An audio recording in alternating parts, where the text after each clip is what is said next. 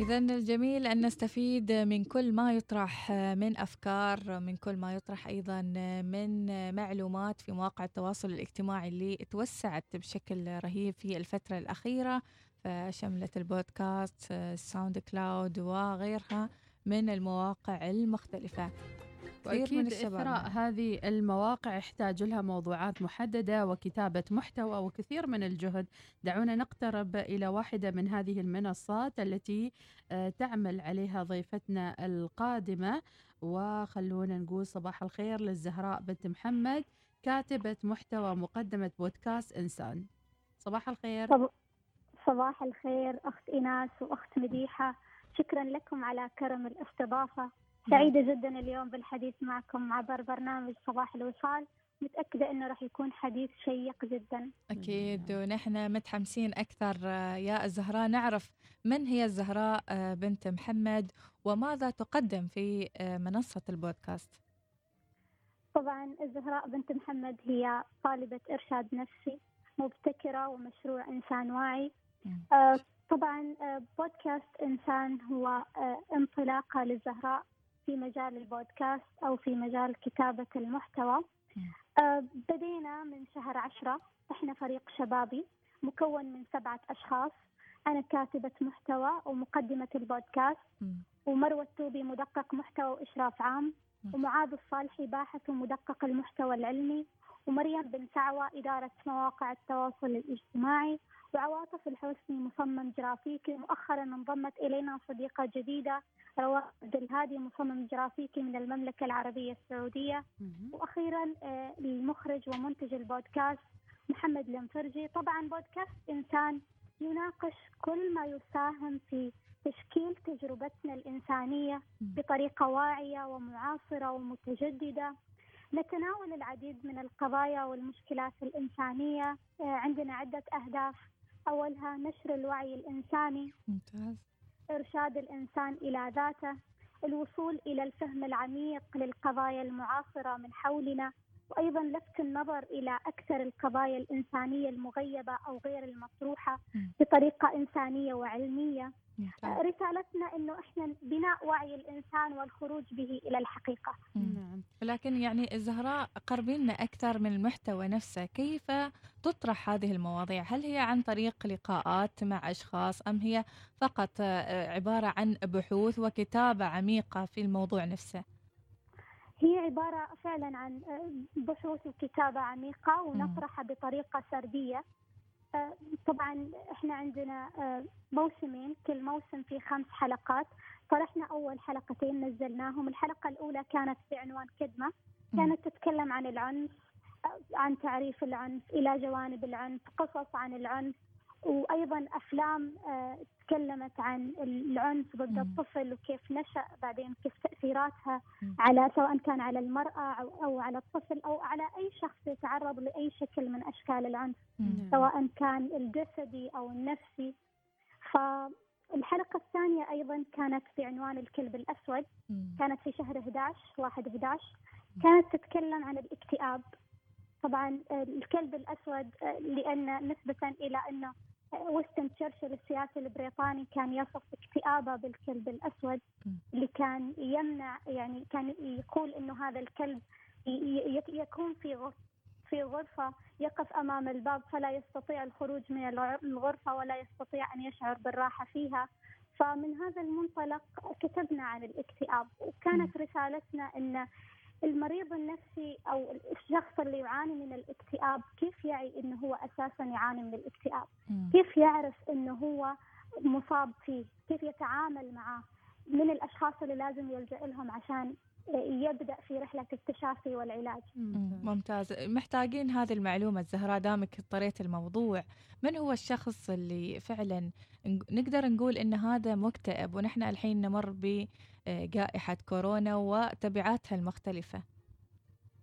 طبعا الاكتئاب لتشخيص الاكتئاب لازم يكون الشخص مر بخمس بخمس أعراض من أصل آه، تسعة أعراض آه، اللي هي في الدليل التشخيصي للطبيب النفسي ال DSM 5 فعدة أعراض منها إنه يشعر ب آه، يشعر ب بعدم القدرة على القيام بأبسط الأنشطة اليومية اللي كان يشعر فيها بالمتعة. أيضا فقدان القدرة على النوم أو إنه اضطرابات في النوم وعدم القدرة على القيام بأبسط الأعمال ما يقدر يجد المتعة في أي شيء. بالإضافة إلى أنه المكتئب يجد الحياة سوداوية. يشعر بالتعب والوهن بآلام أحيانا متفرقة في في جسمه. نعم. وعدم قدرته أيضا يشعر بأنه هو غير قادر على العطاء سواء كان في العمل. وغيرها أيضا الأعراض اللي إحنا كأشخاص عاديين خلينا نروح للأشخاص العاديين اللي هم غير مشخصين. يعني مثلا أنت كشخص عادي كيف تنتبه إنه هذا الإنسان اللي عندك مصاب بالاكتئاب؟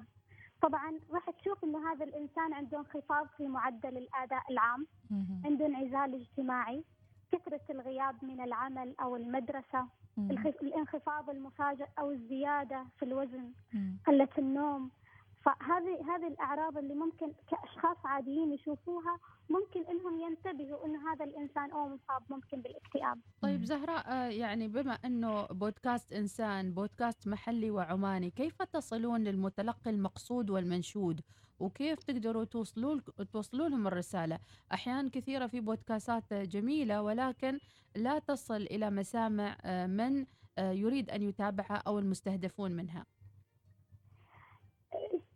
في في البودكاست المشكلة عندنا تحدي هنا خاصة في عمان إن الجمهور البودكاست أو المستمعين للبودكاست ما بذاك الانتشار الواسع. يعني ما عندنا ثقافة بودكاست منتشرة بشكل واسع مقارنة بالدول الأخرى.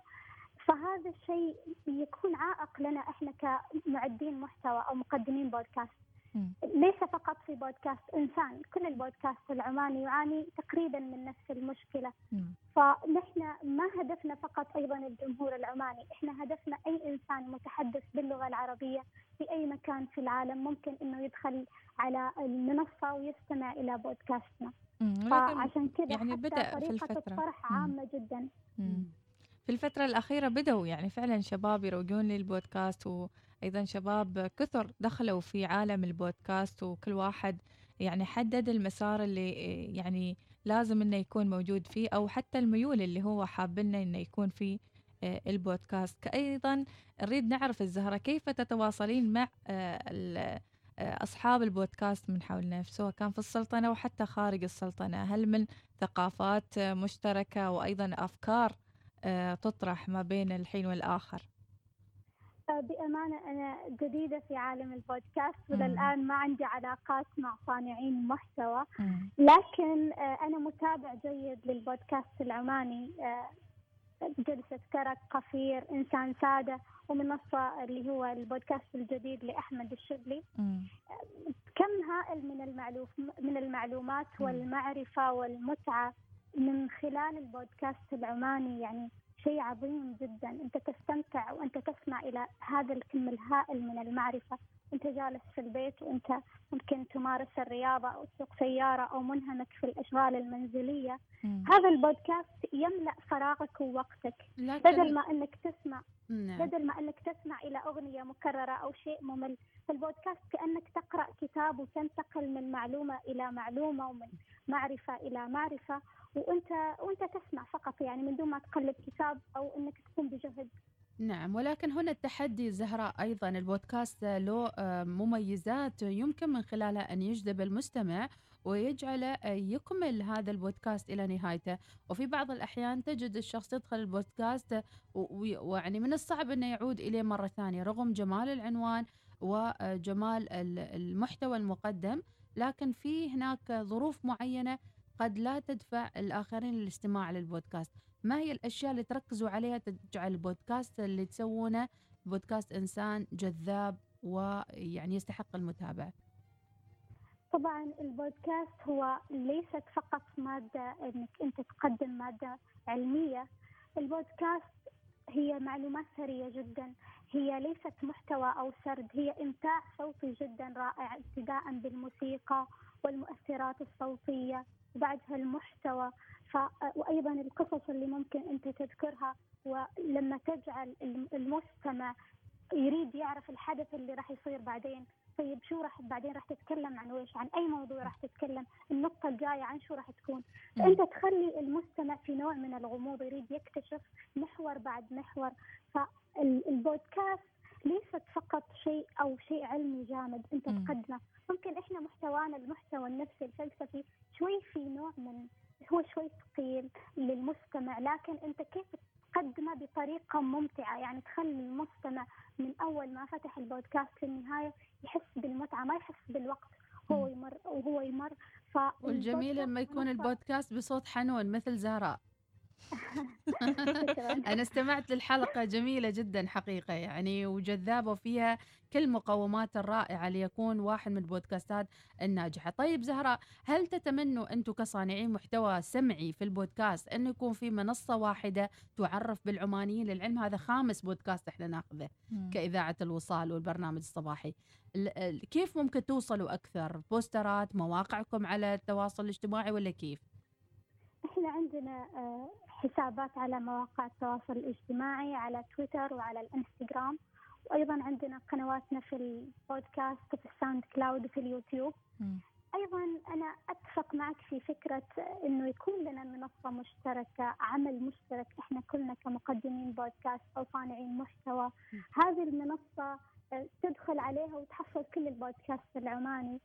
فراح يسهل الوصول إلى الجمهور بحيث إنه الجمهور اللي يسمع مثلا لجلسة كرك ممكن يسمع لإنسان ممكن يسمع م. لمنصة ممكن يسمع لإنسان سادة فيكون الجمهور هو نفس الجمهور إحنا م. نفس الفئة المستهدفة صحيح. اختلاف مواضيع لا أكثر بالضبط نعم بالضبط. أيضا في بعضهم اتجهوا إنهم يسووا لهم قنوات على اليوتيوب تكون مسموعة وأيضا مسجلة بشكل فيديو هل تفكر الزهراء وفريق العمل في بودكاست إنسان بالاتجاه إلى أن يكون البودكاست أيضا بودكاست إنسان آه، بودكاست مرئي. أه بصراحة إحنا في الموسم الأول والموسم الثاني ما أتوقع أنه راح يكون في تصوير لكن ربما في المواسم القادمة في السنوات القادمة راح تكون في حلقات تصوير ربما الواحد يضع رؤية. نعم. نعم. لكن أنا أفضل المحتوى فقط الصوتي لأن أنا كزهراء أشوف نفسي لما راح أطلع على على اليوتيوب لازم تكون ملزم إنك تكون بكاركتر معين شخصية معينة. فربما راح أواجه صعوبة أيضا زهراء المتعة الصوتية لها جماليتها. أيضا تعطيك مميزات غير موجودة على اليوتيوب الاستماع فعلا الخيال فعلا وغيرها يعني من الأشياء. نعم. فعلا يعني إحنا التغذية البصرية عندنا بشكل كبير على شاشات التلفزيون والتليفون وكذا لكن التغذية السمعية عندنا يعني ما كثير إحنا ننشط هذه الهبة اللي أعطانا إياها الله سبحانه وتعالى. فمن خلال البودكاست أنت تسمع إلى كم هائل من المعرفة. وتشعر إنك أنت حصلت على معلومات كثيرة فقط من خلال الاستماع.